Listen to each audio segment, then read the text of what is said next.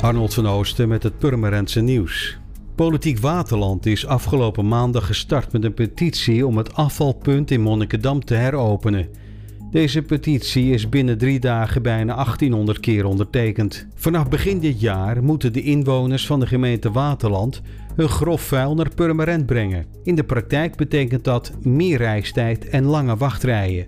Veel inwoners zijn dat beu en willen de Milieustraat weer terug in hun eigen gemeente, luidt de tekst bij de petitie. Politiek Waterland ziet graag dat het gemeentebestuur van Waterland het besluit tot verplaatsing van de Milieustraat naar Purmerend op korte termijn terugdraait en dat er een locatie in Waterland wordt bepaald die in ieder geval nog in 2020 in gebruik kan worden genomen als afvalpunt.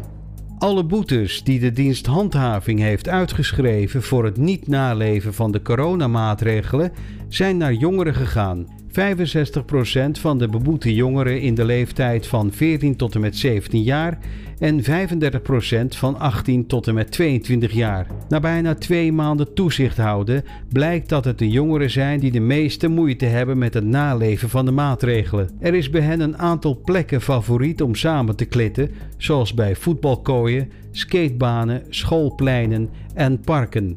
Bij de aanhouding door de handhavers is een veelgehoorde reactie: wij houden ons niet aan de regels. Wij worden toch niet ziek. Wilt u meer weten over het werk van de dienst handhaving? Kijk dan naar de speciale corona-editie van RTV Purmerend. Je voelt het weekend, met daarin een videoreportage over de dienst.